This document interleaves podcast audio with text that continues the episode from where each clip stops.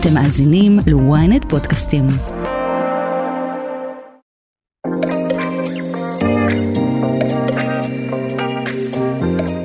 אוגוסט, חודש החופשות של ישראל.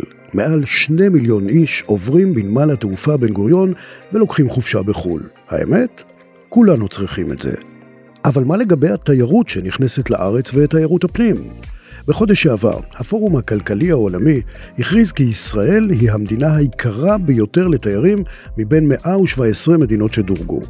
ברחבי העולם אנחנו רואים עלייה משמעותית בפעילות התיירותית. ענף התיירות בישראל עדיין מנסה להתאושש מהשפעות משבר הקורונה, ויחד עם יוקר המחיה וממשלה שלא משקיעה במשרד, לא מפתיע שרוב הישראלים בוחרים לקפוץ ליעדים מחוץ לגבולותינו. אז איך זה להיות תייר היום בישראל? למה זה כל כך לא משתלם? ואיך עדיין כל המלונות מלאים עד אפס מקום? אני יוסי פישר, וזאת הכותרת. איריס ליפשיץ קליגר, כתבת התיירות והכלכלה בידיעות אחרונות ynet, שמח שהצלחנו להשיג אותך כי כל השבוע כל בן אדם שני שאני מתקשר אליו אומר לי שהוא בחופשה. גם אותך האמת אנחנו תופסים באמצע חופשה. אבל מה? כולם בחו"ל. נראה שהתיירות בישראל דווקא, איך נאמר, קצת תקועה. Uh, כן, אתה מציג uh, תמונה מאוד uh, עגומה, ואני חושבת שכמי שמסקרת את זה במשך שנים רבות, את כל הנושא הזה של הקשר בין תיירות וצרכנות, אנחנו חייבים להשתמש בשתי המילים שמטרידות גם את האזרח הישראלי במדינה, יוקר המחיה. אנחנו המדינה הכי יקרה מתוך 117 מדינות שהפורום הכלכלי העולמי רק עכשיו דירג אותנו לפני חודש כמדינה הכי יקרה מבחינת סל התיירות. עכשיו, אם אנחנו אומרים כ... אה, ישראלי שאנחנו מעדיפים לטוס לחו"ל ובצדק כי יותר זול לנו לעשות חופשה באנטליה או בקפריסין או ביוון, אה, ברור שגם התייר כבר הבין את זה, בעיקר אה, תכף נדון, נדון בעניין של הקורונה כי זה חלק מהעניין, הוא בהחלט הבין שכשהוא רוצה להזמין חופשה בים המלח, מה שהוא היה רגיל לעשות, התיירים שלנו מגרמניה והתיירים מצרפת ואנגליה, הבינו שכשהם חוצים לצד של ירדן, הם משלמים במאות אחוזים עד אלף אחוז פערים בין מה שעולה בארץ לבין מה שיעלה להם מעבר אה, לגבול שלנו. והדבר הזה הוא מאתגר מאוד, אמור לאתגר את... Uh, אה, משרד התיירות ואת שר התיירות, רק אה, לצערי הרב כשאנחנו אה, מנסים להבין בעצם מה גורם למצב הזה להיות כך ולמה זה לא עומד להשתנות, אנחנו מאוד מודאגים כי הכל תלוי גם בנושא של התפתחות של בנייה, של הקמת יותר חדרי לינה, מה שנקרא מקומות לינה. ואנחנו לא כל כך רואים את התקציבים אה, נוהרים לצד הזה, בעוד שהמתחרים שלנו, מהצד השני, אם זה שארם, אם זה ירדן, עקבה, הם לא מפסיקים לבנות ולהקים בתי מלון, ואנחנו רואים את התוצאה, התיירים אה, פשוט מצביעים ברגליים ובוחרים אה, לטוס למקום אחר, שזה נורא עצוב. מה הם מבינים בירדן ובמצרים למשל, שהזכרנו, מה הם מבינים שאנחנו לא מבינים? מה הם יודעים לעשות טוב יותר? אנחנו הייטק nation, אנחנו יודעים לעשות הכל, אנחנו הבאנו את מיטב החידושים לעולם, ובתיירות, לא ב- בלהמציא את ה-Waze או, או דברים אחרים. איך אנחנו לא מצליחים במה שהם עושים כל כך טוב? אני אגיד לך שהשורה התחתונה זה פשוט הם הבינו שהם צריכים לשמור על ולהגדיל כל הזמן את אה, נתח התיירים שנכנסים אליהם, כי זה מכניס מיליארדים של אה, אה, דולרים לקופה. מה שאני לא מצליחה להבין כמוך, זה מדוע מדינה שבאמת כמו שהצגת אותנו, מתפתחים בהייטק, מפותחים בהכל, יש לנו, שמנו הולך לפנינו בכל דבר, דווקא במה שקשור בתיירות. אנחנו רואים כבר בשנים האחרונות, אה, וגם קדימה, הנה השר הנכנס, שלא מנתבים את זה למקום של לתת משאבים ולעודד בנייה והגדלת אה, אה, מקומות הלינה, וזה לא רק זה, גם נושא של שירות והעובדים ועידוד של לעבוד בענף התיירות. זה לא משהו שאתה רואה מעבר לקו, אתה רואה בשערם, אתה רואה בירדן, אתה רואה בעקבה, אתה רואה עובדים שנהנים לבוא לעבודה שלהם ונותנים את מקסימום השירות אה, בסרוויס ללקוחות, בעוד שאצלנו, אני אגיד את זה בזהירות, המילה מתפנקים, אבל אתה לא מוצא אה, קהל יעד שרוצה לעבוד בענף התיירות, במלונות, במלצרות, בחדרנות, בלעשות אה, ניקיון ומטבח וכל מה שמשתמע על זה. ואז כדי להביא כוח עבודה אנחנו נתקלים לא מעט בקשיים, ואז צריך גם להלין אותם, ואז צריך גם אישורים בשביל אה, סודנים כאלה, ויש המון בעיות עם, ה, עם הנושא הזה. אני יכולה להעיד ולומר שבכתבה האחרונה שעשיתי על קפריסין, אז גיליתי ששם השכילו להבין שכדי שהתייר הישראלי יגיע למשל, אז הם מביאים כוח אדם, הם פתחו את האופציה להביא כוח עבודה של אה, ישראלים, של צעירים שרוצים לעבוד ולעשות יופי של קופה בתקופת הקיץ, כי הם הבינו שכשהם ייתנו לתיירות הישראלית שאצלם את הבידור וצוות עם הילדים, כל מה שקשור בתחום הזה, בשפה העברית, זה מעלה להם את נתח הקהל, קהל היעד, והנה דבר שאנחנו לא משכילים אה, לעשות, אנחנו חייבים לתת משאבים ולהגדיל את, תראה, הרבה אומרים לי בעקבות הכתבה הזו שאנחנו מדברים עליה, אבל אנשים, התיירים לא מגיעים מכיוון שיש לנו בעיות uh, קשות מאוד של הפגנות ומחאות וזה תוקע אותם בכבישים ולירושלים והם לא יודעים לתכנן את הזמנים שלהם, uh, שזה גם נכון, אבל זה לא זה.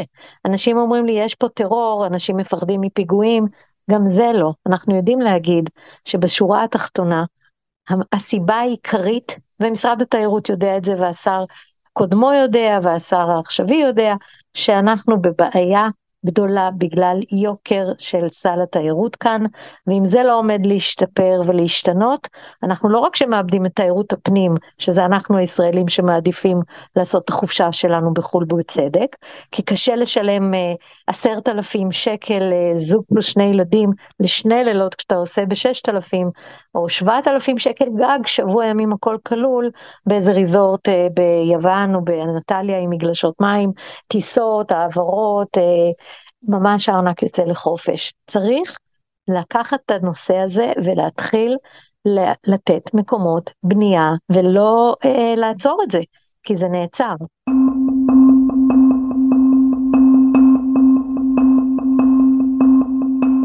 אבל אז, אז תמיד יבואו אה, בעלי המלונות או התאחדות המלונות, ויש להם תמיד את התירוץ הזה כשאתה מדבר איתם על היוקר המטורף של שבוע נופש באילת למשל, הם אומרים מה לעשות, העלויות שלנו גבוהות, זה לא ישתנה גם אם יהיו פה עכשיו עוד אלפי חדרים, אנחנו עדיין נשלם הרבה כסף, ובצד העניין הזה, עובדה שביולי-אוגוסט המלונות באילת, גם העיקרים ביותר, שאנשים משלמים שם 30 אלף שקל על 4-5 אה, לילות, עדיין הכל מלא שם. אז בואו בוא נפצח גם את, ה, את הדבר הזה שאתה אומר שזה מאוד נכון, כשבודקים את זה ברובדים של להבין למה קשה להשיג חדר אה, באילת בתקופה הזו, זה לא כי לצרכן הישראלי יש את ה... בחופשיות הזאת את העשרת אלפים ואת העשרים אלף שקל למשפחה שלמה, זה בעיקר, בעיקר, וצריך לדעת את זה, כל מיני עסקאות של ועדי עובדים, של הצבא, של נופשונים שמסובסדים, ובשורה התחתונה ללקוח בסוף יוצא לפלח הזה, שאם זה אה, מילואימניקים, ואם זה כאילו חברי בהצדעה, ואם זה אנשי צבא בקבע, או ועד אה, של בנק, אנחנו רואים את המלונות מלאים, אבל את זה הם סוגרים הרבה מראש, והם לא משאירים לנו, לצרכן הפשוט, שרוצה לעשות חופשה בלצלצל או להיכנס לאתר, זה המחיר המלא.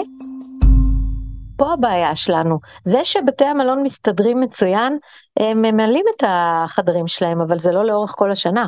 ואנחנו רואים בעיקר אחרי הקורונה, שנתנה פה זבנג רציני, אבל אנחנו חייבים גם להגיד שזה נתן זבנג רציני לכל ענף התיירות בעולם. ישראל לא מיוחדת פה, יש באמת אה, מכה עולמית מה שקרה עם הקורונה, ולהבדיל, מה שאני בדקתי וראיתי, את מצב התיירות במדינות ה...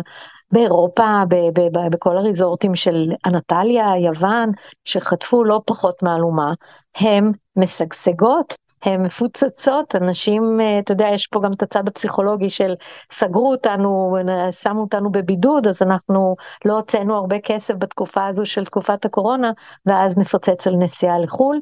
את זה כולם קלטו, משום מה, פה במדינה לא עושים מהלימון לימונדה. אנשים רוצים לצאת לחופש, ואני חושבת שהרבה יעידו, ו- וגם uh, מסביבי אומרים לי, אנחנו רוצים להיות בארץ, אבל זה בלתי שפוי, ו- ו- והתמורה שאנחנו מקבלים לעסקה שאנחנו עושים uh, בחו"ל, היא פשוט הרבה יותר גבוהה.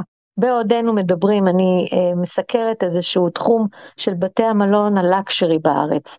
יש גם את האנשים שרוצים ליהנות מיערות הכרמל כאלה ומריזורט מפואר כמו סיקס סנס בראשית, אם אנחנו מסתכלים רק על מדד כזה, ואני לא רוצה להגיד שזה החופשה לי רק למי שבא ביוקר, יש גם ישראלים שרוצים לעשות הצצה לדבר הכיפי הזה, לא לשבוע ימים, אבל לילה.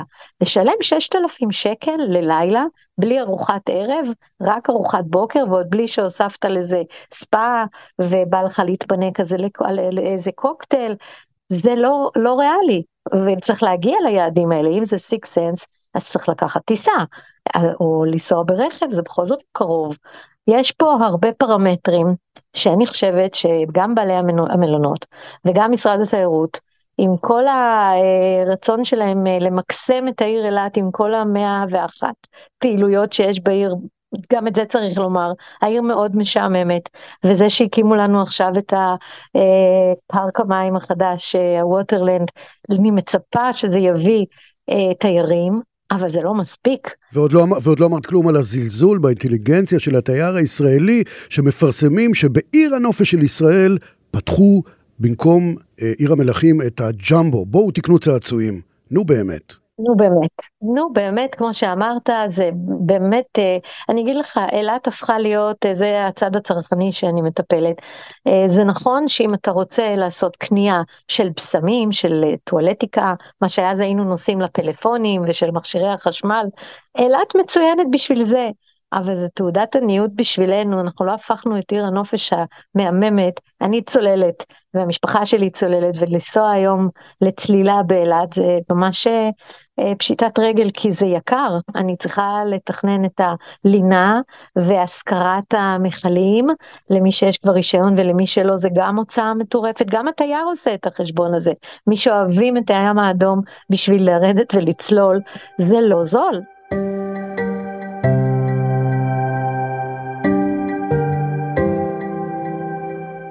אז אילת היא כבר לא מה שהייתה בעבר, ולא רק היא. גם בעוד מקומות תיירות בארץ אין מספיק השקעה. מה הממשלה עושה למען זה, ומי הם התיירים שאנחנו פשוט מפספסים? הודעה קצרה, ומיד נמשיך עם הכותרת. בזמן שאתם עושים כושר, סיימתם עוד שני פרקים בספר. חדש באפליקציית עברית, ספרים קוליים, דרך חדשה לנצל את הזמן ולהפוך את השגרה לחוויה מרתקת. אז בואו ליהנות מאלפי ספרים להאזנה שמחכים רק לכם. בכל דרך, בעברית. הורידו עכשיו את אפליקציית עברית ללא עלות ותהנו מספר קולי ראשון מתנה.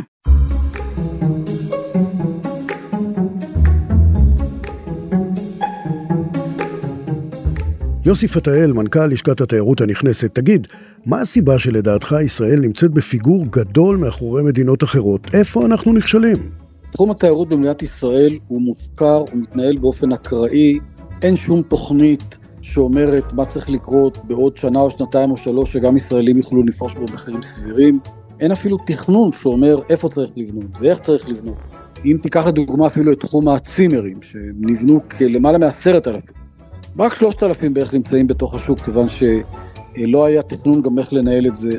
התחום לא מנוהל, בקיצור, אין שום תוכנית אב, ובגלל זה אתה רואה גם את, ה, את המצבורים של חדרים במקומות מאוד מסוימים, כאשר כל שאר הארץ, שבעצם רק לשם אפשר להתרחב ושם אפשר להיות, היא לא מפותחת, לא מתפתחת ולא מנוהלת. תחום התיירות הנכנסת, תחשוב על זה, מכניס דולרים למדינה כמו הייצוא של התעשיות הביטחוניות, האזרחיות. הוא מייצר 15% ממקומות העבודה אה, בפריפריה. הוא נחשב נכס אסטרטגי על פי אה, המכון למחקרי ביטחון לאומי בתחום של התדמית אה, והמעמד הבינלאומי של ישראל. זאת אומרת אין קשר בין מה שהיא על פי פרמטרים מתמטיים, כלכליים, מקצועיים, אובייקטיביים, לבין היחס שהיא מקבלת מהממשלה, ומספיק לראות כמה יוקרה יש לתפקיד של שר התיירות. למזלנו, הפעם הגיעו אנשים שהם משמעותיים וזה מציל את התחום, אבל הרבה מאוד שנים זה נחשב איזשהו סוג של ציביר מבחינה אה, אה, אה, פוליטית. ולצערי במדינה שלנו החשיבות ניתנת לפי ההקשר הפוליטי ולא הקריטריונים הכלכליים אה, אה, האובייקטיביים המקצועיים שהמדינה צריכה להתנהל לפיהם ואנחנו רואים שתקציבים ותשומת לב לא בהכרח הולכים לפי כדאיות וחשיבות. זה נשמע די מזעזע סלש מייאש כשמדובר בתחום כל כך חשוב, בכניסה של כסף זר שתהיה לה משמעות כל כך גדולה, וכמו שאתה אומר, לשמוע את הדברים שאתה אומר, אין תכנון, אין תוכנית אב, אין כלום. אצלנו אה, קוראים לזה בשכונה מכולת, זאת ההתנהלות. מכולת מתנהלת בצורה אחראית, יש בעל מכולת, והוא לא יכול אה, אה, להרשות לעצמו להסתבך עם מנהל הבנק. בתחום התיירות, בארץ אין, אין בכלל ספק שזה לא מתנהל בצורה אה, מקצועית, כאשר יש למשל את, אה, בואו ניקח את משרד האוצר, שאני חושב שאולי לא צריך בכלל משרד תיירות. תיירות היום, התרבות האנושית בכלל, היא דבר מאוד מרכזי להרבה מאוד מדינות. מדינות מתפתחות, מערב אירופה וכולי, זה מגיע לעשרה אחוז מהתל"ג וכולי. בישראל איכשהו מתפארים בזה שזה רק שלושה אחוז. לדעתי זה תעודת עניות, אין לנו זמן להעמיק, אבל אה, לתיירות נכנסת יש משמעות ביטחונית מרחיקת לכת, מכיוון שככל שיש תיירים למדינת ישראל יש יותר תיירים שמגיעים לרשות הפלסטינית, יותר תיירים זה פחות חיילים, התיירות הנכנסת שלנו זה 15% מהתל"ג שלהם, ואני חושב שאם היינו מזמינים חוות דעת מקצועית, ומצד אחד היו קובעים מה החשיבות של התחום, ומצד שני מה תשומת הלב והתשומות הניהוליות שהמדינה צריכה לתת, היית מוצא איזשהו מתאם בין הדברים. הדבר הזה הוא פחות או יותר או שערורייתי או שהוא פשוט מחדל לאומי. כיוון שלא מדובר פה על קבוצת לחץ שיש לה כוח פוליטי ואז היא מקבלת תקציבים, אתה אומר רגע בואו תבחנו אותנו מקצועית, כלכלית, שיבוא רואה חשבון ויגיד מה אנחנו שווים למדינה ואיזה תשומת לב, ואנחנו לא מבקשים עלו כסף מהמדינה, אלא בפריפריה במקום להשקיע כספים בסבסוד של גירעונות, תנו להם חכות בלהתפתח לתחום התיירות. עכשיו לתיירות יש גם כוח מאוד חשוב במקומות שיש אוכלוסייה מעורבת של יהודים וערבים, כמו בעכו, ועוד מקומות. שמה אתה יכול לגייס את כל סוגי האוכלוסייה, לשרת את, ה, את הגורם התיירותי, וכמו, אתה יכול לראות את זה גם בעכו, הדבר הזה יכול להיות סיפור הצלחה, זאת אומרת, יש לנו פה פתרון שלא משתמשים בו.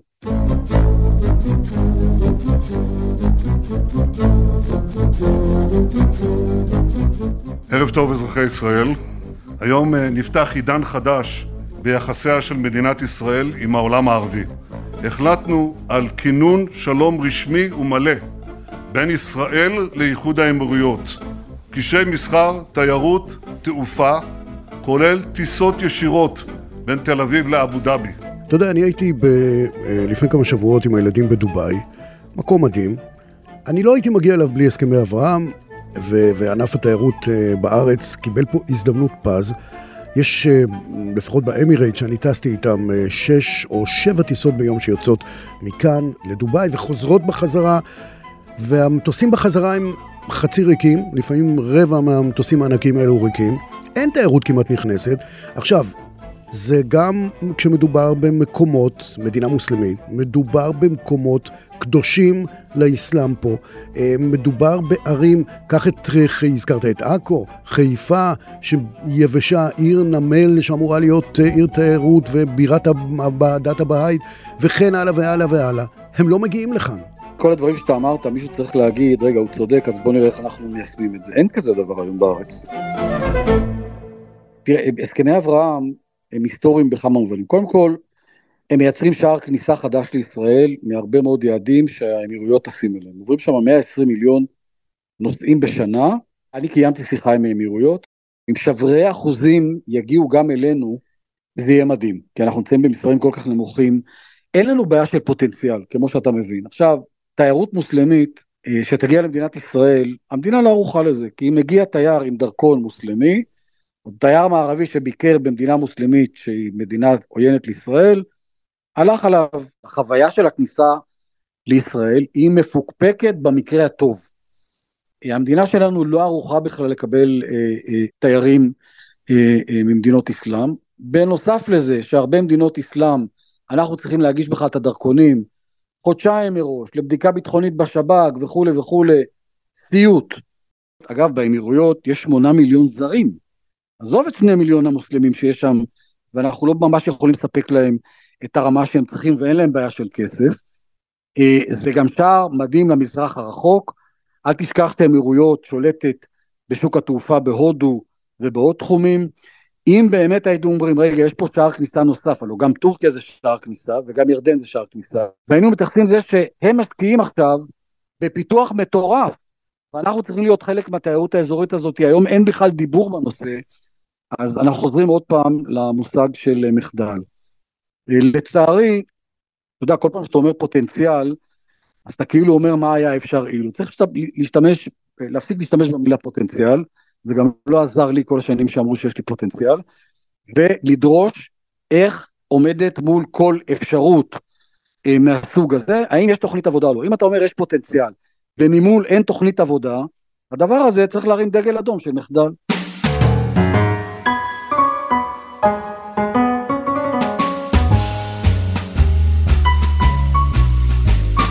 מעבר לתיירים שאנחנו מפספסים, התיירים שכן מגיעים, כמו שאיריס מסבירה, חוטפים כאן הלם. אתה יודע, התייר לא משלם מע"מ בישראל. שזה איזשהו יתרון לתייר, אבל זה לא חוכמה להשחיל לו את זה במסעדות ובכרטיס אשראי, כי כשאתה מבצע את העסקה, אגב, את כל הכתבה הזאת עשיתי בהתחזות במרכאות של לקוחה מבריטניה, אה, לקוח מצרפת, דרך אפשרות להיכנס אה, עם VPN שונה, כדי לקבל באמת את המדדים הנכונים, כמה יעלה לי כצרפתייה שחיה בפריז לעשות חופשה בישראל לעומת טוסקנה או אה, ים המלח כזה, או עקבה ושארם. ושם אתה מקבל את הבומבה לפנים, שגם במצב הזה כשמזהים בסיסטם שזה תייר, אז מעמיסים עליו, וזה כל כך לא, באמת, זה לא קורה במדינות האחרות, זה לא צריך להיות ככה. צריך לעודד את התיירים לבוא לכאן, ואם אני אה, יכולה להעיד על דבר אחד שיש לנו, שאין לתיירים, וכמי שאוהבת את המדינה שלי מאוד, אז ירושלים וכל אתרי הקודש שלנו, שזה נצרת, וכל מה שזה חשוב למי שמגיע, ברור שירושלים תישאר תמיד ירושלים, ויהיה לנו את קהל היעד הזה שמגיע, אם זה הסינים ואם זה הגרמנים, ובאמת היפנים אנחנו רואים שהם מגיעים, אבל צריך להסתכל על המספרים, מה היה לפני הקורונה, ב-2019, ומה קורה לנו בקיץ הזה.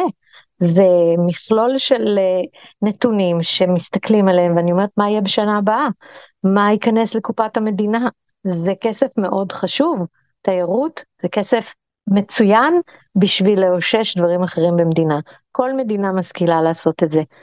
חבל שאצלנו אה, נרדמים בשמירה. פשוט לא שמים על התיירות, אני אגיד את זה בצורה הכי בוטה. יש פה איזושהי אה, תמימות דעת להגיד אה, לא, לא, זה לא הדבר החשוב, ובינתיים השנים עוברות, ובינתיים המתחרים מתחזקים, ובינתיים אה, התיירים אה, בורחים. אז אה, חבל, אנחנו אמורים להיות, כמו שאמרת, מספר אחד בהייטק, מספר אחד בהרבה דברים, הייתי רוצה שנשאר גם בתיירות. נקודה קטנה על המפה, אבל יש לנו הרבה מה להציע מצפון ועד דרום. ותוך כדי הריאיון הזה, עם הדברים הכואבים האלו, אני הספקתי לסגור אה, דיל טוב אה, לבודפשט, מצטרפת? בטח, אני יכולה להגיד לך שברור לי שלא חצית את השלושת אלפים שקל בדיל. ברור. אם זה לכמה לילות. ברור. נכון? איריס ליפשיץ קליגר, כתבת תיירות וכלכלה, ידיעות אחרונות וויינט, תודה רבה על הדברים. תודה יוסי, ביי ביי. רגע לפני שאנחנו נפרדים, אני מזמין אתכם לעקוב אחרינו בוויינט, באפליקציה, בנייד, ברכב, באפל או בספוטיפיי. אתם גם מוזמנים לדרג את הכותרת ולכתוב לנו תגובה, נשמח לקרוא. אנחנו ממליצים לכם להאזין לפרק אחר שלנו על חופש וסבל. חפשו את הפרק "מה קרה להבטחה לקיצור החופש הגדול". איתי בצוות הכותרת שרון קידון, קובי נחשוני וטל זרביב, תחקיר, הפקה ועריכה גיא סלם ועדן דוידוב. אני יוסי פישר וזו הייתה הכותרת.